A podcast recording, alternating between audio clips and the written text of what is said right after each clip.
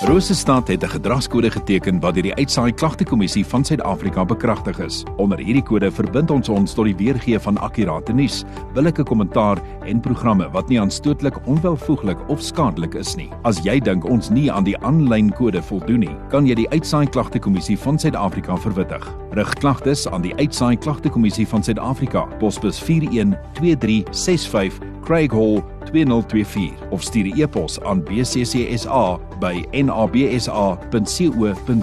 Vir verdere inligting, besoek www.bccsa.co.za. En jou op die kop, half 10 hier op 100.6 FM Rosestad waar jy wil wees. En by my in die ateljee het ek vanoggend vir Emyn. Sy is van 'n New Beginnings. Goeiemôre Emyn. Goeiemôre Hugo.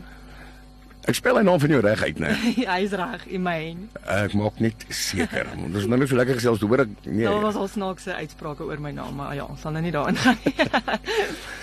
Imane, kom ons beskop sommer dadelik af. Wie is New Beginnings en wanneer het hulle wanneer het julle begin? OK. Ons het in 2013 het ons begin. So dis nou al ons 11de jaar wat ons gaan en ehm um, ja, New Beginnings is so 'n bietjie anderster as die gewone kan ek amper sê dierewelsyn organisasie. En ek dink juist die rede hoekom ek New Beginnings begin het was ek het gesien daar is nie so iets wat ek in my hart het nie. So die visie wat ek gehad het in my hart was vir mense en diere en ek kon net nie so iets vind nie. So ek het betrokke geraak by verskillende organisasies, maar ek kon net nie iets vind wat ek gevoel het dit is my visie, dis wat ek wil doen. En ja, daar het ons New Beginnings begin. En ehm um, 11 jaar later hier staan ons. Nooit gedink dat dit so so so groot en so lank gaan hou nie, maar ehm um, ja, deur genade. Nou, wat presies doen julle by New Beginnings? Meeste mense dink julle is slegs 'n diereskuiling, maar ek weet daar is soveel ander dinge waarmee julle besig is. Ja, weet jy, ek dink Ek dink wanneer mense New Beginnings hoor, dan dink hulle aan die shelter en dis 'n afdeling. Ons het 'n rescue center waar ons ehm um, honde en katte en diere is, maar ons het baie ander projekte waarmee ons ook besig is. Um, onder andere uh, ons gaan doen veldwerk elke week in die lokasies en dit is dan waar ons die diere help maar waar ons ook ander probleme identifiseer want New Beginnings ons soos ons slogan sê we strike at the root. So dis ons belangrik om by die wortel van enige probleem uit te kom en dan in plaas van om hier op die oppervlak te probeer help en kospakkies uit te deel en honde te red, probeer ons onder by die wortels werk sodat ons weet ons het 'n langtermyn oplossing vir die probleem wat voor ons is of dit 'n mens of 'n dier is. So ja, so ons het baie projekte, ons werk by kinderhuise, ons het ehm um, so 'n bietjie met perde te doen. Ons is besig met perdeterapie wat ons in plek wil kry. Ehm um, en die diereskuiling, so daar's verskillende afdelings wat New Beginnings besig is mee. Nou as daar een ding is vandag wat jy kan oordra en leer aan die luisteraars, wat sal dit wees? Hmm. Uh, ek dink soos daai Engelse saying sê charity starts at home. Ek dink as ons elke liewe persoon besef dat ons het so 'n groot rol wat ons kan speel in ons huis, in ons um, omgewing, by ons werksplek. Um, as ek as ek gaan na die dierekant, toe sal ek sê as elke persoon net hulle dier steriliseer, want dis waaruit ons werk kom, kan ek maar sê. Dis waaruit al die probleme kom in die dierewelsyn kant is oor populasie. So as elke persoon net sorg dat hulle diere en hulle werkers se diere gesteriliseerd is, gaan ons amper kan ek sê uit werk uit hardloop. En dieselfde met enige ander probleme, elke persoon of gesin het iewerster iets waar hulle kan help. So as mens net kyk na jou, jy hoef nie na die wêreld te kyk nie, jy hoef nie na die groot prentjie te kyk nie. As ons almal net kyk na ons diere, ons werkers, ons mense, dan glo ek dit kan 'n groot verskil in die wêreld maak. Ons gesels met Emyn van New Beginnings. Emyn ons gaan nou weer verder gesels. Ons vat net 'n kort breek. Ons luister na een van Cinema, My Kind of Girl. Ja, ons nou so 23 minute uh, voor 10 en hier by my in die ateljee het ek vir Emyn van New Beginnings. Ons het al 'n bietjie gesels. Emyn, wat kos dit om New Beginnings aan die gang te hou en hoe werk julle donasies? As daar een ding is wat julle benodig nou, wat sal dit wees? Ja, weet jy, dit ehm um, dit kos 'n hele paar rand om ons aan die gang te hou. Ehm um, dit kos omtrent so 210 000 rand 'n maand om dit wat ons heidaglik doen in stand te hou. So dit is nie ekstra projekte, groot outreaches, dit kom nog by. Ehm um, en ons begin maar elke maand weer op nul. Want ons is ons is afhanklik van die publiek vir donasies.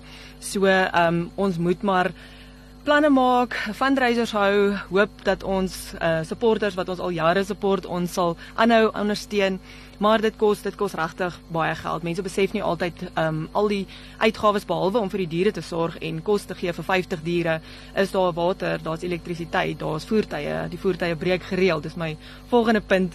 As daar een ding is wat ons nodig het op hierdie stadium, is dit beslis voertuie.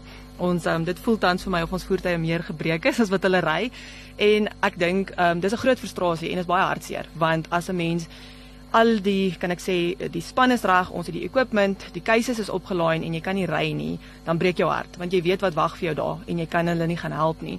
So ek dink op hierdie stadium is dit regtig een van ons grootste needs is definitief voertuie en dan aanhoudende uh, ondersteuning. Uh, mense besef nie jy kan nie eintlik net dis nie 'n once off ding nie. Ons moet elke maand dit wat gedoen is moet ons weer van voor af doen.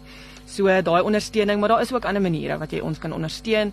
Um, ons het 'n webwerf wat alles um, as jy nie finansiëel kan bydra nie, is daar uh honderde ander maniere wat mense kan bydra, volunteering, fostering, hulle kan aanneem, um, net deur ons social media posts te share. So daar's regtig baie maniere wat mense kan help. En dan hoe werk aanneming by julle? Hoe kry julle mense en hoe kry die mense julle in die hande? Ja. Ehm um, ons het uh, ons is op social media, so ons het 'n Facebookblad en dan het ons 'n webwerf, ons is op TikTok, ons is op YouTube.